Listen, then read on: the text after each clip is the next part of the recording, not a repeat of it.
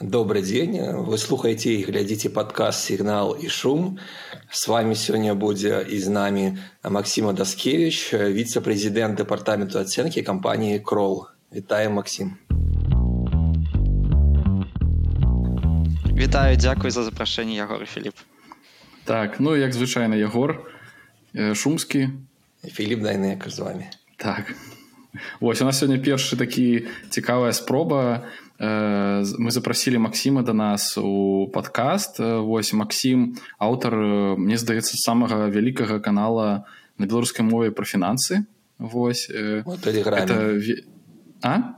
У тэлеграме.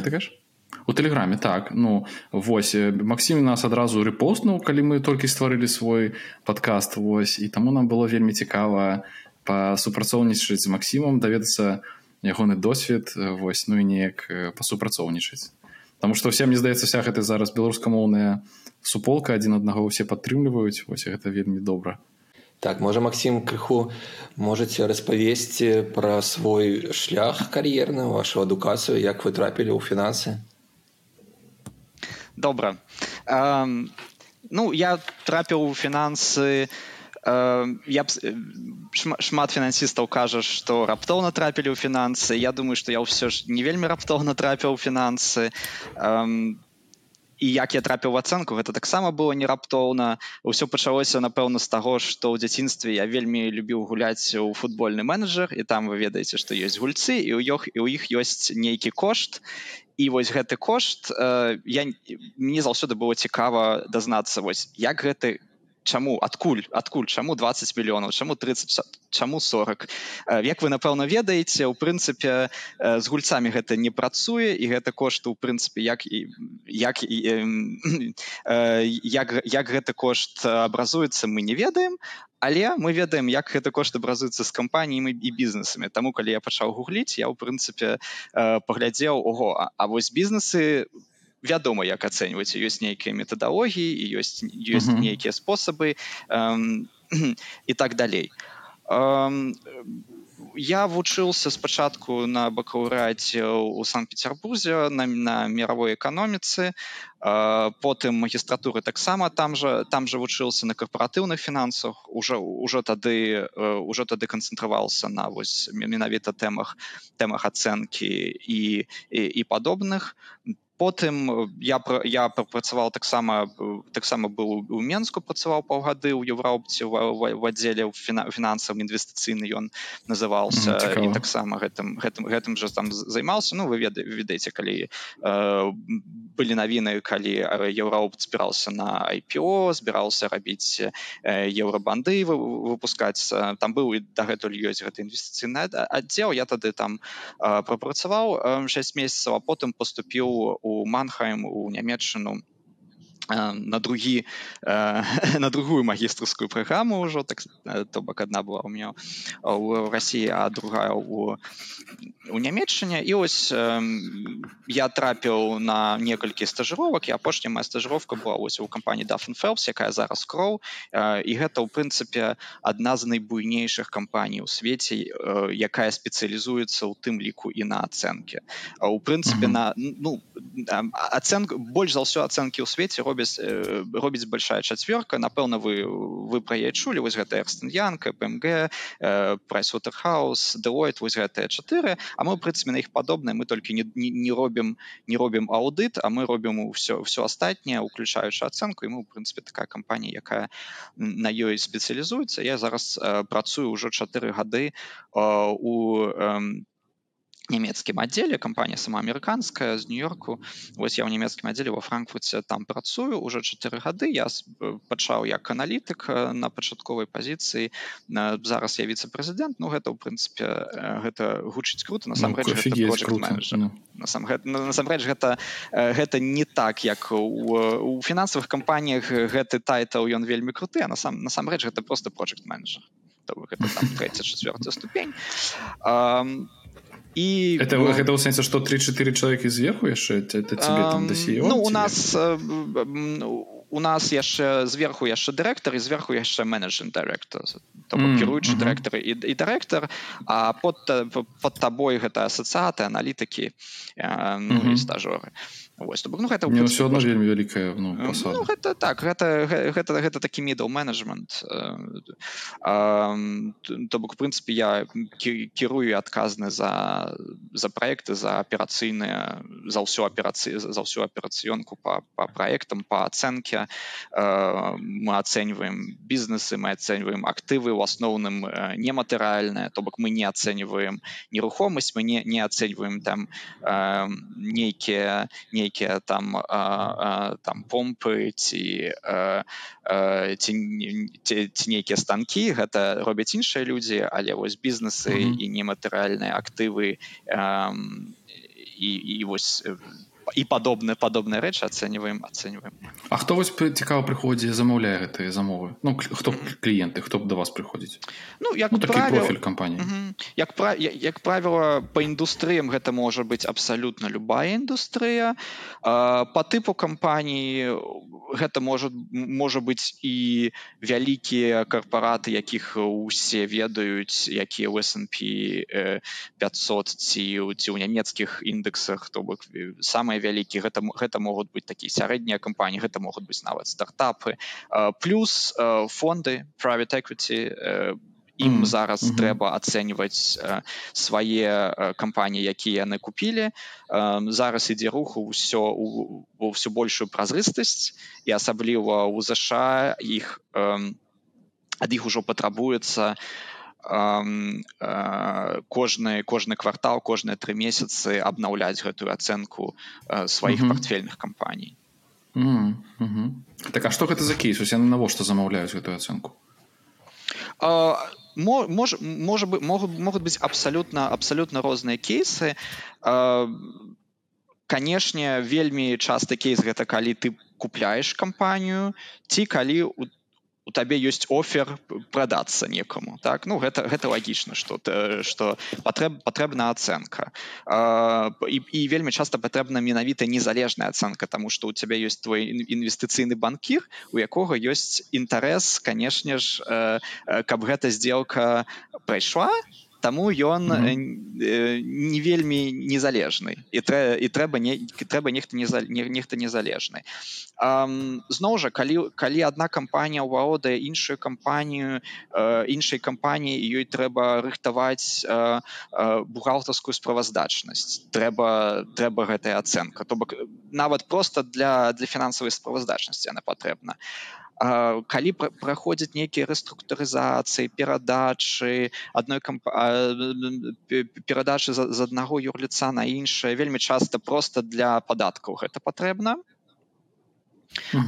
таксама гэта патрэбна калі у вас просто ёсць нейкія стратэгічныя стратэгічнае бачанне стратэгічныя планы на IPO і вы павінны павінны зразумець як вам лепш э, павысіць вашу ацэнку вам вам трэба выручка больш ці вам трэба маржынальнасць лепшая ці вам трэба mm -hmm. рызыку знізіць напрыклад mm -hmm. так і калі у вас здараюцца нейкія нейкі дыспут у, у суддзе напрыклад калі адна кампанія парушыла нейкі контракт і іншая кампанія ідзе ў суд і кажа. Вось гэты контракт вы парушылі. І наша ацэнка і вельмі вельмі часта гэта менавіта гэта менавіта праз ацэнку робіцца то бок яны, яны кажуць. Наша ацэнка у Э, спала на 20соткаў яна зараз на 20 гэта, ты кажаш пра непублічную кампанію ці пра і гэта, гэта, гэта, гэта могуць быць гэта, як правіла гэта не публічныя кампаніі таму што ў публічных кампаніях ёсць канешне ж індыкацыя якая э, завецца рыначная капіталі рынкавая капіталізацыя у вас есть рынкавая капіталізацыя тут э, тут як правіла ацэншчыку ну ацэншчык бывае патрэбны у некаторых у некаторых выпадках але як правіла э, як правіла у 95сотках мы ацэньваем непублічныя кампаніі у якіх няма такой такой гатовай індыкацыі іх вартасці зразумела цікава вялікі спектр гульцоў так. зацікаўлены. І гэта эм, трэба адзначыць што гэта толькі калі мы кажам пра кампаніі. Але ацэнка яна патрэбна і звычайнаму чалавеку э, і дзяржаве напрыклад. Канкрэтна калі да, калі вы звычайны чалавек у вас канешне ж ёсць ну бывае што у вас ёсць інвестыцыйны портфель з акцый і калі вы робіце актыўны менеджмент актыўнае кіраванне і абіраеце там нейкія акцыі э, што я не вельмі рэкамендую але гэта іншая тэма то э, вам патрэбна ацэньваць ці вось гэта ці вось гэта ці вось рынок недаацэньваецца ён пераацэньвае гэтую кампанію ці яе трэба купляць ці трэба э, шарціць ці яшчэ штосьці. Яшчэ кейс. Допустим вам дасталася спадчына ад багатага дзядзькі. Завод па выпрацоўцы свечак вы не маеце намеру гэтым бізнесам кіраваць. Вам гэта не цікава Таму вы кажаце Окей трэба знайсці некага каму цікава кіраваць гэтым некага бізнесоўца э, і прадаць яму але пытанне за колькі прадаць? Каб, uh -huh. каб ён вас не падмануў не купіў у вас за 10 мільёнаў нешта што каштуе 100 uh -huh. вам патрэбна вам патрэбная ацэнка. Ну і конечно э, выпадкі колькі каш, каштуе ваша хата кватэра гэта я думаю што ўсім усім зразумела а, ну, так. але калі нават дзяржава у вас ёсць ну вось дзяржаве таксама гэтая ацэнка патрэбна. У якіх выпадках? Той жа завод і дзядзька і падатак на спадчыну. Допустим у вас ёсць 10соткаў падатак. Які вы вы вы як атрымаўшы спадчыну павінны дзяржаве заплаціць. Колькі гэта? Гэта ж гэта ж ад вартасці павінна павінна лічыцца ну вось вось і дзяржаве таксама таксама патрэбна ведаць колькі колькі гэты бізнес каштуе каб ведаць колькі падаткаў ім вы павінны заплаціць. Калі дарэчы ёсць такі падатак ці не у беларусі на спадчыну? Вось гэта вось это добрае пытанне. Я як як чалавек які не не, не жыве в беларусі не ну, я вось не ведаю. Я вось, не... ты ведаеш?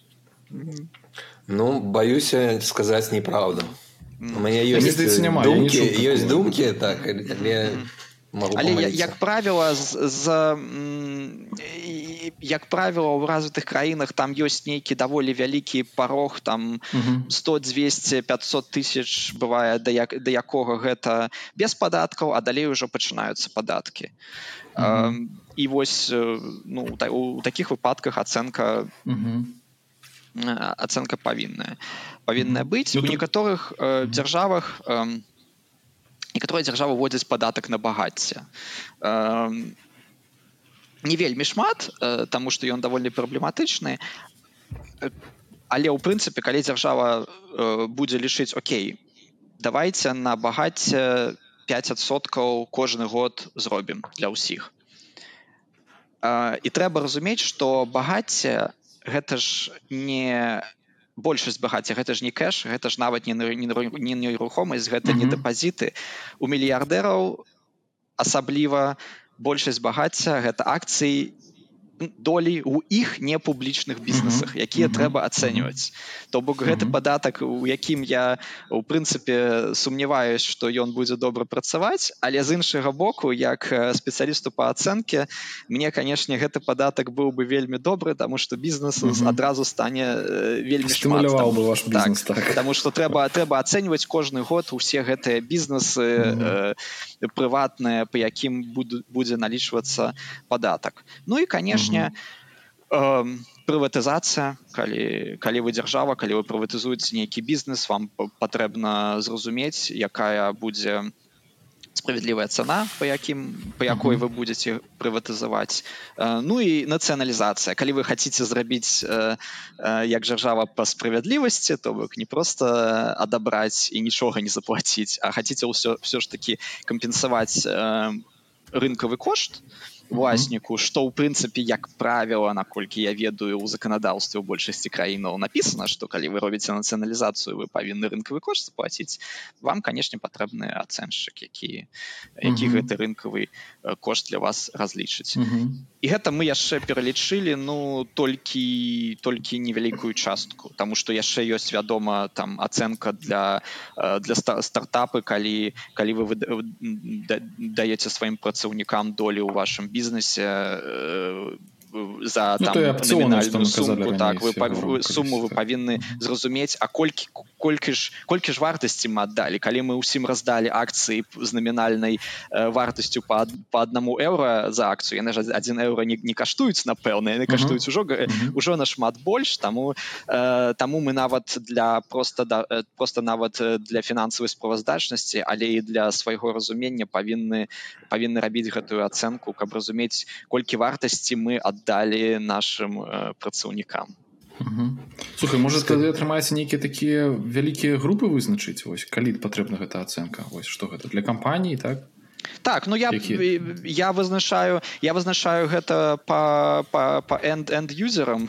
так бы мовіць то бок вось mm -hmm. вось для дзяржавы такое вось для звычайнага чалавека такое вось для mm -hmm. для кампаніі такое ну яшчэ можна выдзеліць у асобныя інвестыцыйныя кампаніі фонды mm -hmm. але для іх у прынцыпе ну тут усё зразумела мы купляем мы купляем мы прадаем мы выводзім на IPO то бок на біржу ну то бок то бок бок выпадкі юзкейсы тыя ж самыя ў прынцыпе скажите А вось атрымліваецца што вы знаходзіцеся паміж прадаўцом і пакупніком напрыклад ну или ці там дзяржавай і яны павінны давяраць вашай ацэнкі так? А што атрым ці бываюць такія выпадкі калі адзін з гульцоў кажа што не я долічу што ацэнку якую дала кампанія вось напрыклад ваша што яна несправядлівая ці бывае такое і што рабіць а Um, так ну тут тут трэба выдзеліць э, напэўна звычайны працэс здзелак і MA здзелак та тут можа нават не быць у прынцыпе нейкага незалежнага чалавека тут усе все разумеюць что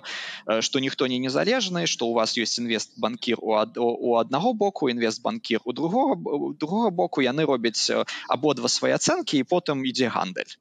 Ну то бок гэта вырашаецца праз гандаль як правіла э, калі э, калі ёсць э, нейкі дыспут э, бывае такое что э, ці абодва бакі кожны бок назначае назначае свайго ацэншчыка і кажа Оке я давяраю гэтаму чалавеку іншы бок кажа я давяраю гэтаму чалавеку гэтыя два два чалавекі або робіць нешта незалежнае і потым суд вырашае там э, бярэ сярэдняе ці нешта іншае. Э, ці бывае так што гэтыя два чалавекі просто суд кажа ім іх ну напрыклад суд не заўсёды гэта суд э, але бывае што у іх э, садзяць у комнату ну гэта фігуратыўна э, і яны павінны э, з сабой неяк дамовіцца якія там якія перадумовы якія там інпуты яны яны лічаць нармальнымі і якая ацэнка якая ацэнка будзе справядлівая больш-менш з абодвух бакоў. То бок гэта вырашаецца по-рознаму гэта вырашаецца по-рознаму і залежыць ад таго суд не суд і залежыць ад таго як як суд гэта хоча хоч хоча зрабіць ці як ці як дамовіліся просто калі калі гэта не суд калі гэта просто нейкія бізнес бізнес рашэнні як як два бакі паміж сабой дамовяцца. Бывае по-рознаму скажите вось вы казалі что публічнай кампаніі там ёсць стандартныя падыходы па іх ацэнцы гэта капіталізацыя ёсць каэфіцыенты розныя калі можна параўноўваць кампаніі прыклад сектары А вось з непублічнымі кампаніямі якія ёсць падыходы потому что для мяне гэта нейкая там магія на дадзены момант так так так. Um, ну э, часто у нас на, на інтэрв'ю нават вось кандыдатам э, у дэпартамент ацэнкі задаюць такі такое пытанне вось вось як бы вы ацанілі яблыню вось не бізнес а просто вось вельмі спрошчань вось яблынька вось колькі яна каштуе? І вось я паспрабую э, патлумачыць на прыкладзе яблынькі э, што насамрэч усё не вельмі складана і вельмі лагічна Вось... А, а можна я хацеў дарэчы запытаць можна можна наш падкаст ацэніць ну так да, да, гэта гэта тое ж самае я буду вось ну у вас у вас канешне ну крыху невядома якая якая якая у вас бізнес-мадэль а я але я буду э, буду тады э, буду тады ацэньваць ну, я, я жартую можна па яблы можна можна можна можна мне просто э, просто я э, э, яблонька лягчэй таму что гэта зразумела бізнес так, так, по так. падкаст я таксама могу могу сказаць гэта ўжо э, ўжо не так трывіальна але ўсе тыя ж метады яны працуюць.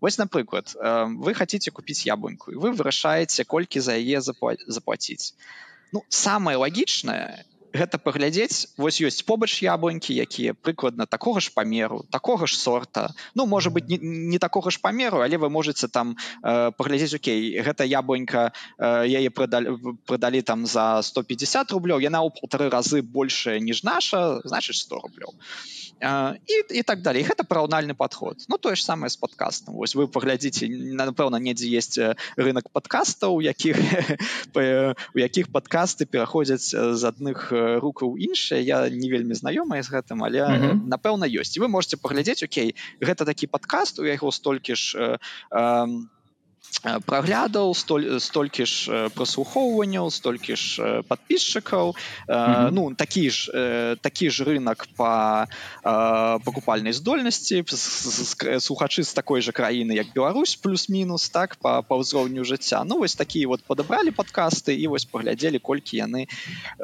колькі яны каштуюць на рынку вось гэта гэта праўнальны подход падыход параўнальны Максім я хацеў ну, так. удакладніць то бок мы ўсё адно вызначаем нейкую метрыку правильно Ну, то мы меряем по... то есть ну, мы кажам что вось гэта яблонька яна больш за нашу яблоньку так. але больш по... то есть мы вызначаем нейкую метрыку по якой так больш. конечно конечно конечно як правіла э, як правіла мы вызначаем нейкую метрыку э, там у, выпадку яблоні гэта гэта будзе ну не ведаю там сярэдняя колькасць яблык як я, якая яна дае у выпадку подкаста ну напэўна слухачы і ці нешта такі ці, ці там спамаванні ці ці нешта такое. То бок канешне вы mm -hmm. павінны заўсёды э, гэта прывесці да нейкай э, да ней да нейкай да нейкай метры у бізнесе? Ну як бы ўжо калі ну, ў бізнесе ў бізнесе і ў бізнесе вядома гэтыя метрыкі ўжо калі у вас такі больш э, э, бізнес такі ўжо больш вялікі які генеруе грашовыя потокі і прыбытак то канешне гэта ўжо будзе або выручка або прыбытак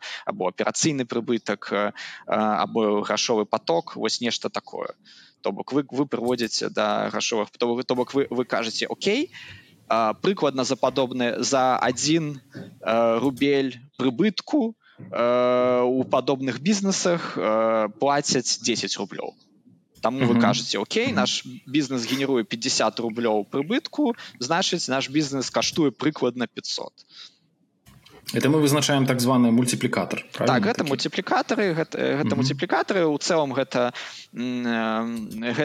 гэта называется параўнальным падыходам market approach по-ангельску ну вельмі проста вельмі зразумела але вядома гэта мае свае мінусы таму что у канешне няма 100 стосоткава параўнальных рэчаў э, і, і, і у прынцыпе адкуль вы ведаеце што гэтыя гэтыя здзелкі яны былі вельмі добра ацэненыя гэта таксама вы вы не ведаеце что там что что что там было ў гэтых здзелках і наколькі наколькі гэтыя параўнальныя актывы ацэненыя правільныя вы таксама не вельмі ведаеце. Ну то бок нейкія мінусы ёсць вы робіце вельмі вельмі шмат дапушчэнняў спрашчальных якія вы як бы не бачыце але вы іх робіце вы робіце что что гэта такія ж бізнесы але яны не факт что такія. То бок гэта гэта вельмі такі прыкладны метад э, э, які просты але ўсё ж э, бывае что занадта просты А скажите Максима там напэўна яшчэ чыннікі ўплываюць ой выбачай Егор, давай. А, да ось ці ёсць такая база у Германії напрыклад база ўсіх гэтых сделак непублічных каб можна было ўзяць кошт гэтых кампаній параўнаць тому что мне падалося калі гэта кампаніі непублічнай і інфармацыі менш доступнай так усё правильно. Як правіла база сделок ёсць ёсць розныя базы. Адна з найболей з найбольш таких міжнародных які які мы ўжываем гэта merge market. Ну іх таких шмат. Есть ёсць capital IQ snп таксама вось які вось індекс snp у іх ёсць база capital IQ называется яна таксама там сделки. І ў большасці сделак праблема канешне ў тым что у кампаніі не абавязаны апублічваць гэтыя за колькі там якая там была і беда якая ну там аперацыйны прыбытак там быў прыбытак колькі яны заплацілі не абавязаны то бок там будзе в гэтай базе можа быць параўнальных тысяч сделак а з іх там толькі ў 20 вы можете гэты мультыплікатор разлічыць. То бок гэта таксама мінус гэтага падыхода. Вы не вы не ведаеце калі гэта по транзакцыям. Калі вы глядзе глядзеце мульці мультыплікатор по публічным бізнесам то гэта прасцей тому что там усё вядома так так там ёсць рынкавая капіталізацыя там есть прыбытак там все вядома але ў гэтым э, выпадку канешне заўсёды пытанне вялікі публічны бізнес і ваш маленькі там стартап да, допустим які вы ацэніць наколькі яны параўнальныя і як гэта карктаваць зразумела. Я, я хацеў яшчэ ну запытаць что у нас же якія вось ну якія там чыннікі то бок ну мы ж параўноўваем але мы можемм там штосьці адняць штосьці дадаць ну правильно то бок это mm -hmm. не не просто что вось мы там ці можа нават лепей нейкі прыклад разглядзець вось каб просто там некую пельменную давай уявім што мы прадаем у менску там ці што-небудзь Вось якія так. б мы метрыкі ўзялі што гэта была б там? Выручка ці гэта была б прыбытак ну, конечно, я думаю, ведаю, я, я думаю что ёсць пока я думаю что так, так ёсць ёсць і беда гэта такі гэта такі такі таксама прыбытак але мы э, не уліч не ўлічваем там амартызацыю капітальнай зарплаты не ўлічваем там э, э, які там што што у кампаніі могуць могуць быць розныя розныя ўзроўні доўга мы гэта таксама не не улічваем Таму что мы як бы як бы робім дапушчэнне что калі мы гэта купім ужо доўг мы будзем потым самі уже вырашаць які там доўг у нас будзе. Так так то гэта гэта будзе выручка гэта будзе прыбытак гэта будзе mm -hmm. гэта вось і беда гэты гэты гэта паказчык по якім по якім вы будете ацэньваць Ну і вядома вы будете там карэктаваць тому что э, ну тому что э, напрыклад вы выкупляеце выкупля выкупляеце нейкую пельменную а ў яе выручка расце там на 5соткаў а купілі пельменную ў суседнім раёне а я выручка расце расце на 10-15 адсоткаў яе купілі за 10 і беда конечно за 10 вы тады вы тады вы, вы тады 10 за яе не заплаціць тому что яна расце ну, расце не так хутка вы заплаціце там 8 7 ці 5 ну гэта ну, не мае значэнне яшчэ дынаміка не навука просто канешне мае значэнне мае значэнне дынаміка мае значэнне ў такіх бізнесах э, э, вельмі рад і рад іншых фактараў таких як э, допустим наколькі у вас может может быть ключавы чалавек у гэты пельменны які там стаіць якога ўсе любяць я не ведаю у вас может быть уладальнік повар і які потым вы купіце ён сыдзе і как бы увесь бізнес ён яго не будзе. Потому что там 50соткаў людзей ходзяць дзеля яго тому что mm -hmm. яны яго ведаюць. Так? Ідзі у яго рэцэпт ёсць які ён з сабой уносіць Ну то бок у гэтых mm -hmm. маленькіх бізнесах ёсць шмат нюансаў якія трэба э, мець на увазе это быў параўнальны падыход а іншы так. падыход які так. А, так іншы падыход э, гэта так э, так званы доходны доходны падыход по по па грашовых потоках ці по прыбытку. То бок калі у вас яблонька вы што робіце? Вы прагназуеце Окей там наступныя 5 год у год столькі-то яблокаў яна будзе даваць будзе прыкладна такая-то цена яблокаў то бок у вас будзе такая-то выручка мінус выдаткі вам трэба даглядаць яблоньку вам вам трэба збіраць яблокі ці нейк некам некаму плаціць вам трэба іх транспартаваць на рынок вам трэба плаціць прадаўцу вам трэба арендаваць палатку і там і, і таму под і, і так далей плюс канешне э, вы хотите хочаце нейкі прыбытак нейкую доходнасць гэта таксама вы павінны улічваць то бок гэта спрошчана сума ўсіх гэтых грашовых потокаў пасля выдаткаў у будучым э, скарэктыроўку на вашу доходнасць гэта і будзе вас на мінімальную доходнасць гэта будзе максімальная цана якую вы будете готовыя э, заплатіць э, як карэктаваць на прыкладзе пра, так пра так так так. Прыклад зараз будзе. Ну. э, допустим вы э, ну спрагназавалі колькі яблык э, там э, колькі яны будуць каштаваць і колькі вы будете там э, э, за іх атрымоўваць спрошчана допустим у вас толькі один год гэта яблыня гэта яблыні засталося і ваша выручка будзе 200 рублёў 100 рублёў гэтыя ваши ўсе выдаткі якія пералічыў 100 рублёў то бок прыбытак uh -huh. у вас 100 100 рублёў uh -huh. Але вы хотите вядома вы, гэта же рызыкоўны прыбытак вы ж не ведаеце там 200 ці не 200 продадзіце не продадзіце что там можа яшчэ здарыцца гэта бізнес. Таму вам трэба доходнасці вам трэба доходнасць там побольш чым на дэпазіту э, ці там дзяржа дзярж аблігацыя допустим ну вось 25соткаў доходнасці вы хотите то бок калі вы хотите 25соткаў доходнасці і вы прагназуеце э, прыбытак 100 рублёў праз год то то вы гэтыя 100 дзеліце на 1 плюс 25 процент адсоткаў і атрымоўваеце вы 80 рублёў то бок каб атрымаць 25 адсоткаў э, доходнасці э, мінімум максімум вы плаціце 80 рублёў за гэты бізнес Таму mm -hmm. гэта ваша ацэнка mm -hmm. гэта ваша ацэнка ябанькі гэты і гэта вось доходны доходны падыход тое ж самае там з падкастам ну гэта будзе напэўна там ваши рэкламныя нейкія патэнцыйныя доходы ў будучым э, ці нейкія подпіска там якую вы будете рабіць э, гэтыя ўсе доходы вы прагназуеце мінус кошт вашага часу э, мінус там алацыруеце там кошт вашага інтэрнэту і, і і так далей і так далей. І і, і лічыце вашу доходнасць якая якую вы хаце з гэтага з гэтага атрымаць. Дыскантуеце гэта вось называецца то что мы зрабілі гэта называется дыскантаванне.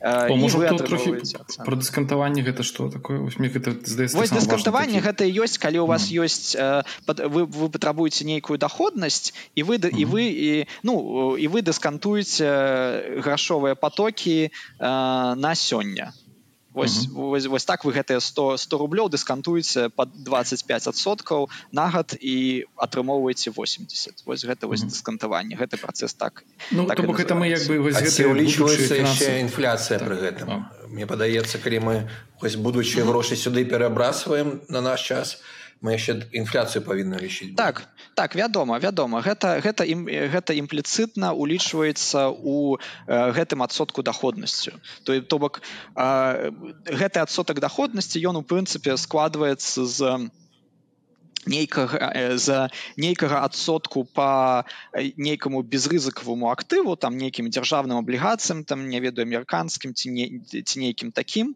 э, і потым прэмія за рызыку і вось гэтая безрызыкавы актыў адсотак па ім ён вядома будзе залежаць ад інфляцыі ну вось як у нас былі ўсе аблігацыі э, дзяржаўныя яны я, у іх бы па ім былі адсоткі там 01 а зараз уже там 4 5 6 э, вось вось так вы вашу інфляцыю і э, і, і, і улічылі у ацэнке mm -hmm, яна ідзе mm -hmm. яна ідзе менавіта ў стаўку стаўку доходнасці разумела mm -hmm. Ну, я просто хотел что мы вось гэта атрымліваецца у нас э, ты зараз распавёў про доходнасць э, таких это фундаментальны так метод такі? Так ну так Ацэнкі. гэта фундаментальная ацэнка яшчэ можна я, я не назваць фундаментальнай ацэнкай так. Так это як это дыскантаванне будучых фінансавых потокаў так? Так. Так. А вось ну ты казаў мне я просто не зразумеў трошки ты про один год толькі за один год чаму пельменная 80 каш вартая Ці, так. мы за 5 гадоў ці я не зразумеў не мы зрабілі мы зрабілі толькі за один год каб каб гэта было просто Таму что канешне mm -hmm. э, калі за 5 гадоў то вы павінны 100 дзяліць на 1 плюс 25соткаў і гэта ўсё ў mm -hmm. пятую ступень возводзіць mm -hmm. э, і таму там будзе нашмат нашмат нашмат менш просто ну, гэта... просто каб для для слухачоў просто что гэта даволі просто что мы просто бярем і плануем колькі мы сможем вывести грошаў з бізнеса ў будучыні правильно Ну так так так. І дыскантуем дыскантуем гэта значыць што мы іх як бы памяншаем на нейкую суму рызыкі плюс інфляцыі плюс альтэрнат ну, плюс так. альтэрнатыўных нейкіх.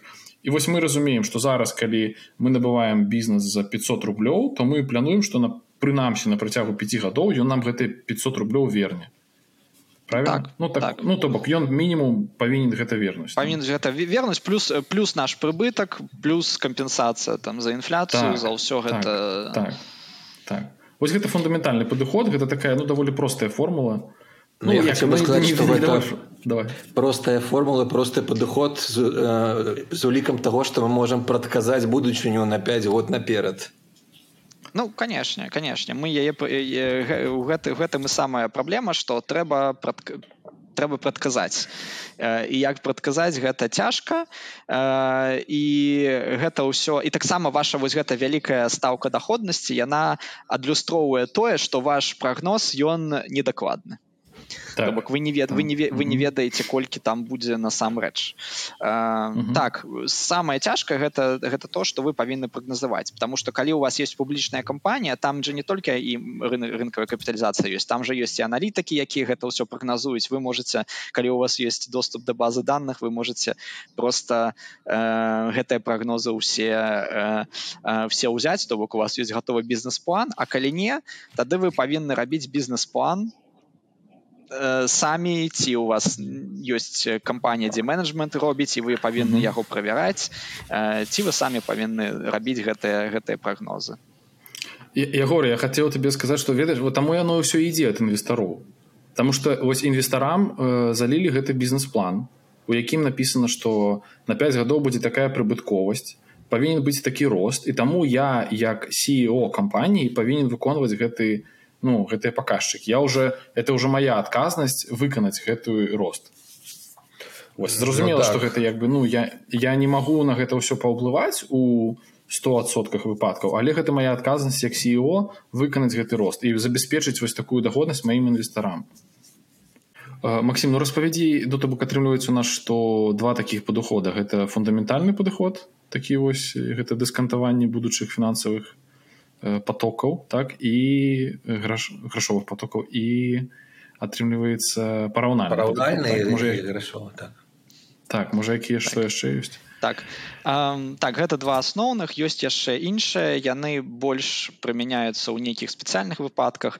Напрыклад uh, калі у вас яблонька нерэнтабельная вы ведаеце то бок вам збіраць прадаваць няма сэнсу таму што будзеце ў мінусе таму што выдаткі вышэй ніж э, ніж ваша выручка то лепей э, вам яе напрыклад там спіліць продать галінкі суседзям за нейкія копейкі каб яны там вогнішча палілі э, продать можа быть зямлю под галінкай асобна то бы гэта такі подход ліквідацыйны ці по вартасці актываў гэта як правіла у таких выпадках калі у вас з бізнесам нешта нешта нешта не так. Ну яшчэ ці яшчэ ў некаторых іншых іншых спецыялізаваных выпадкаў выпадках. Але вось гэтыя mm -hmm. два параўнальныя доходныя яны як правіла ўжываюцца ў большасці большасці я, я ведаю што я яшчэ хацеў я ўзгадаў што у нас вось калі мы вучыліся было цікава такое заданне што мы рабілі ацэнку ну напрыклад пан там гандляваўся по там нейкай капіталізацыі там не ведаю 40 мільярдаў так uh -huh. і мы рабілі там ацэнку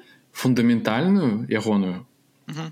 ацэнку там ну напрыклад гэта дыскантаванне будучых фінансавых потокаў там uh -huh. і потым параўноўвалі і такім чынам мы вызначалі ці э, ну як бы ці вартыя гэтыя акцыі сваёй э, стоимости. Ой, что ты можешь ну разумееш так, так, так я разумею я разумею ну, а, что ты можешь про гэта сказать? так про гэта про гэта я б а, а, гэта вельмі добра пераходзіць у іншую тэму ацэнка стартапаў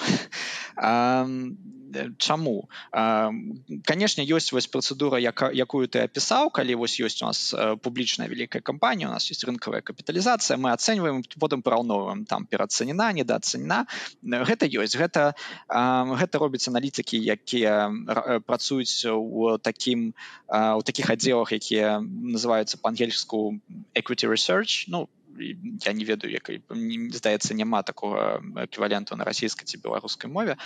А, але ў прынцыпе яшчэ што што цікава гэта гэта гэта тое што падобны падыход можа быць прыменены нават у стартапах. Чаму мы ўсе ведаем што стартапы ацэньваюцца на на першым этапе яны ацэньваюцца больш не па паказчыках нават а, а а больш вельмі вельмі прыкладна наогул по камандзе там э, і ці, ці ў лепшым выпадку по у параўнанні з, з, з нечым яны ацэньваюцца.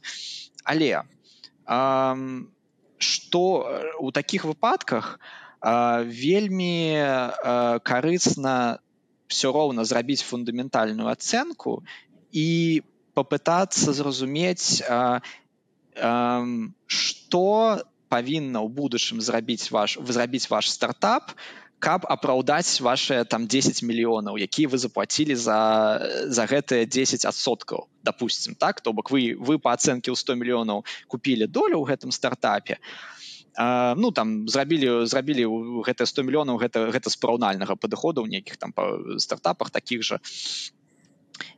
І потым вы робіце фундаментальна мадэль і, і глядзіце Ага так каб сёння ваш стартап стартап каштаваў 100 мільёнаў патрэбна каб праз 10 гадоў э, у іх выручка была там 5 мільярдаў маржынальнасць там 10соткаў і там і ну это і і так і так далей. То бок вы э, атрымоўваеце празрыстасць.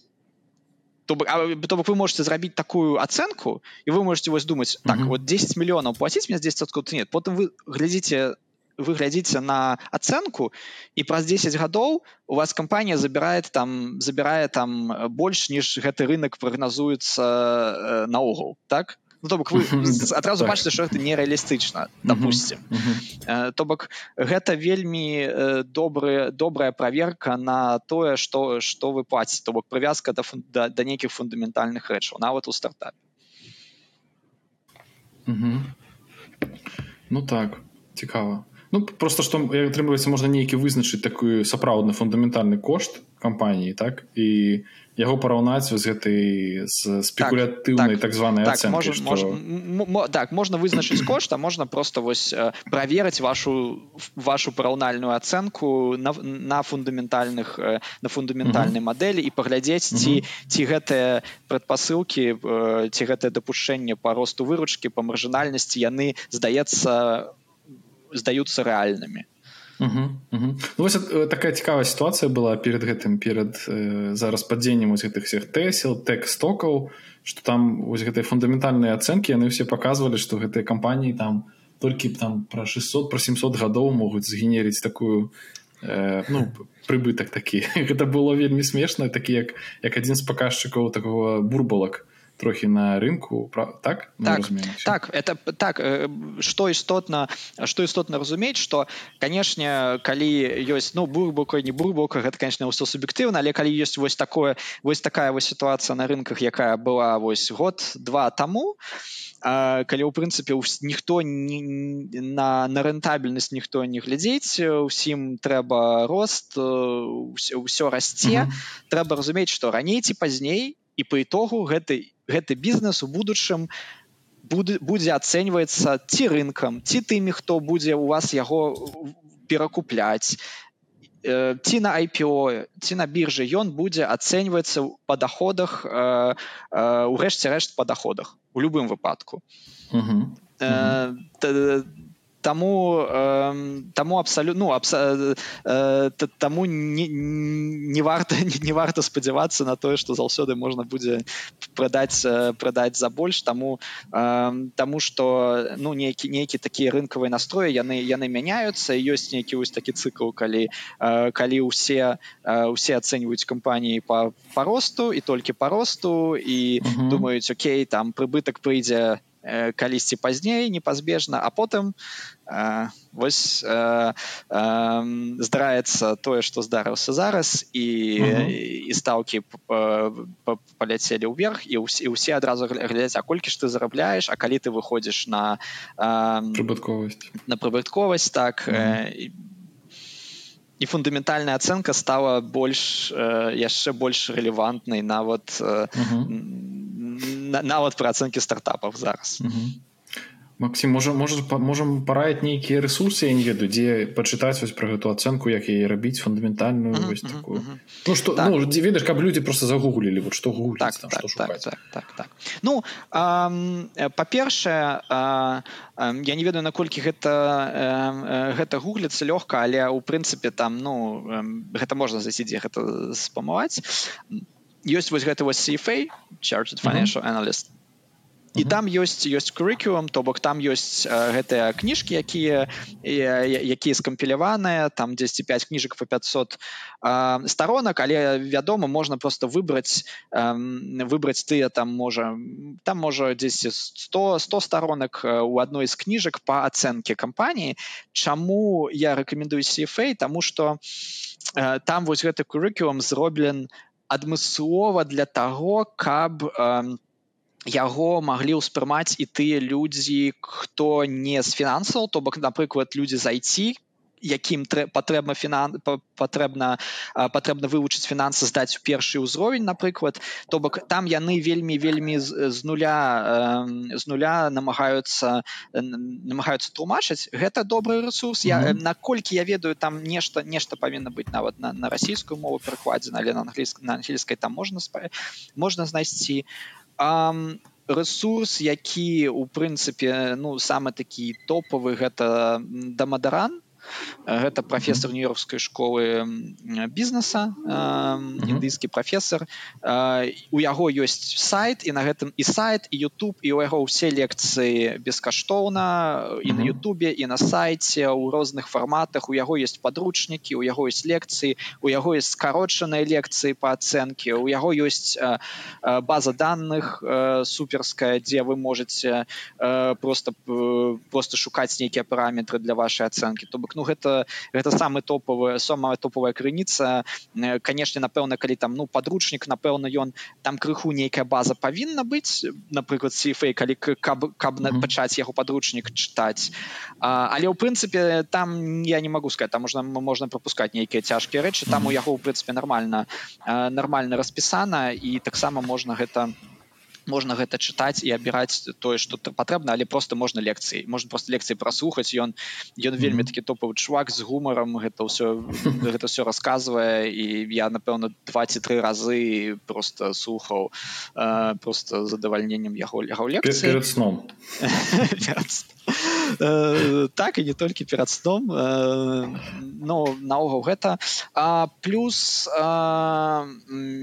ёсць ёсць добрая кніжка на, на расійскай мове как оценить бизнес по аналогии или на чиркова кажется. Mm -hmm. а, яна то бок ну яна там здоет яна яна яна працавала вышэйшай школе эканомікі гэта такая добрая рэч тому что яна вельмі карысная для вось расійскай беларускіх рэалій і вось яна менавіта пад іх пад іх зроблена і там вельмі дэтальна менавіта гэты вось бізнес па аналогіі і вось гэты параўнальны падыход ён вельмі дэтальна распісаны плюс плюс са спец са спецыфікай таму вось я лічу што гэта даволі унікальная унікальная кніжка якая мне таксама вельмі падабаецца. Ну вось гэта таких тры тры асноўных тры асноўных рэкамендацый крыніцы добра. Так. мы напэўна пакінем спасылкі на ну, на так, гэтыя крыніцы так. гэта ну дзякую за гэта Макссім скажитеце можа ёсць нейкія асаблівасці ацэнкі бізнесу ў беларусі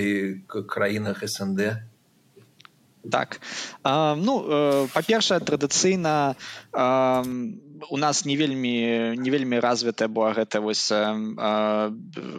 дзейнасць па ацэнкі і гэтая тэорыя яна да нас прыйшла толькі ў апошні дзегоддзі і ў прынцыпе што ёсць гэта што вельмі вельмі часта людзі у бізнесе ацэньваюць ці намагаюцца ацэньваць бізнесы по балансу что канешне праблемна тому что ну напрыклад калі мы ідзем у айти стартап у вас можа быць э, вельмі прыбытковы айти стартап у якога там мільёну месяц прыбытак але што яго будзе на балансе? У яго будзе там 20 тысяч лэптопаў і ўсё таму что офіс ён здымае А, а што яго актывы? Яго актывы гэта людзі яго актывы гэта там адносіны з кліентамі яго актывы гэта інтэлектуальная ўласнасць якой можа не быць на балансе асабліва там у, у беларускіх умовах то бок гэта, гэта там вось кошт там кошт актываў у разліку на акцыю. Гэта нас вельмі любяць прымяняць што канешне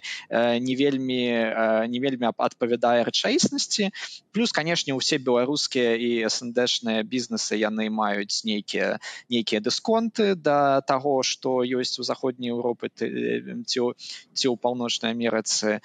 І гэтыя ну гэтыя дысконты могуць быць рознымі разными там бывае что просто просто дзеляць на два без без усялякіх таких э, э, без усялякіх таких э, скамплікаваных разлікаў ну по-рознаму бываюць просто стаўка доходнасці вялікая вядома за інфляцыі за і-за рызыкі палітычнай то бок ну ёсць ёсць нейкія такія асаблівасці ну і канешне праблема ў то у том что стандарты справаздачнасці фінансавай яны так не вельмі не вельмі адлюстроўваюць эканамічную сутнасць таму э, таму яны не вельмі надзейныя і з імі трэба таксама іх і, і таксама трэба рабіць нейкія э, нейкія там рэчы з, з імі каб атрымаць э, больш такую рэальную ацэнку э, mm -hmm. ну то бок вось есть ёсць ёсць ёсць такія асаблівасці у нас плюс э, э, ну плюс плюс плюс плюс канешне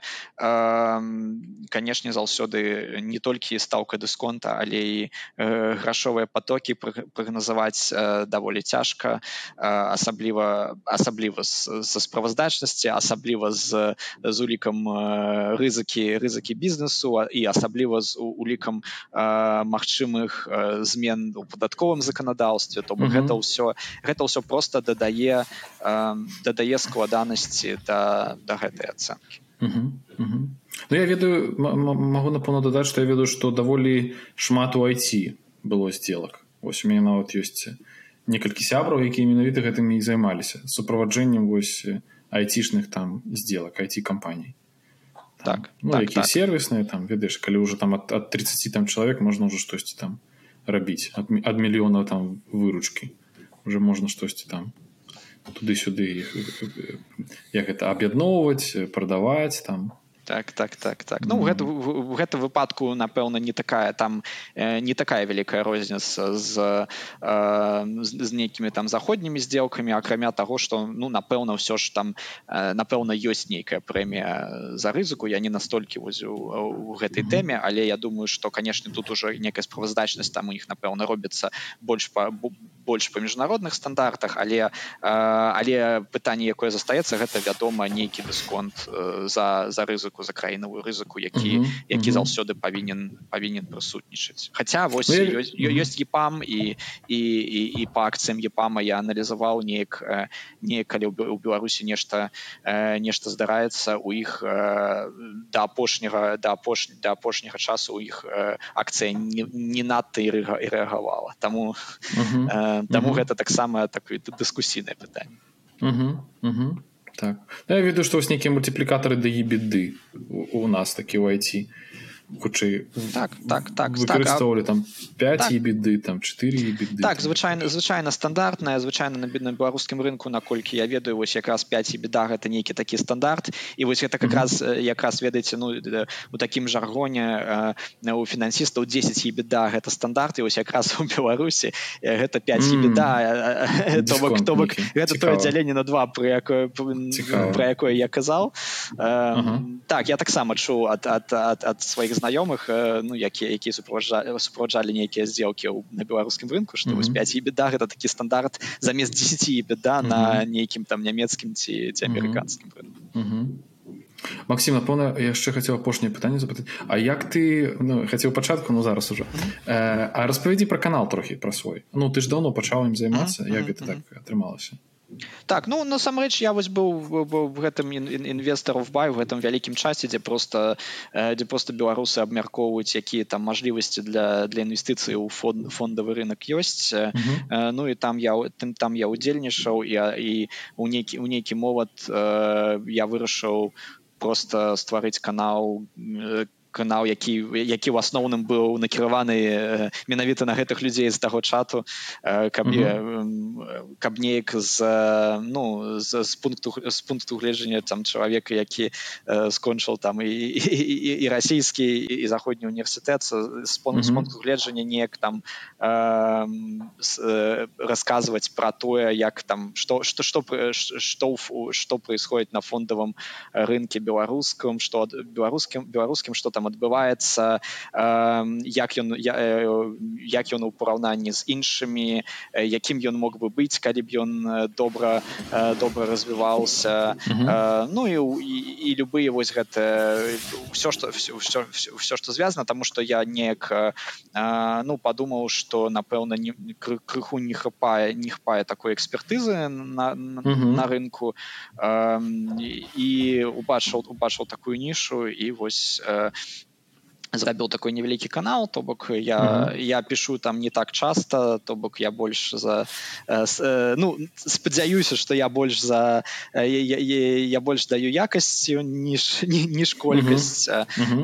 але але заўсёды калі ёсць нейкі топік нейкая нейкая тэма звязана з з беларусю і з фінансавымі рынкамі я стараюся яе пакрыць Покинем ну, спасылку на канал круто. Максима вот, снизу в описании до этого відэа.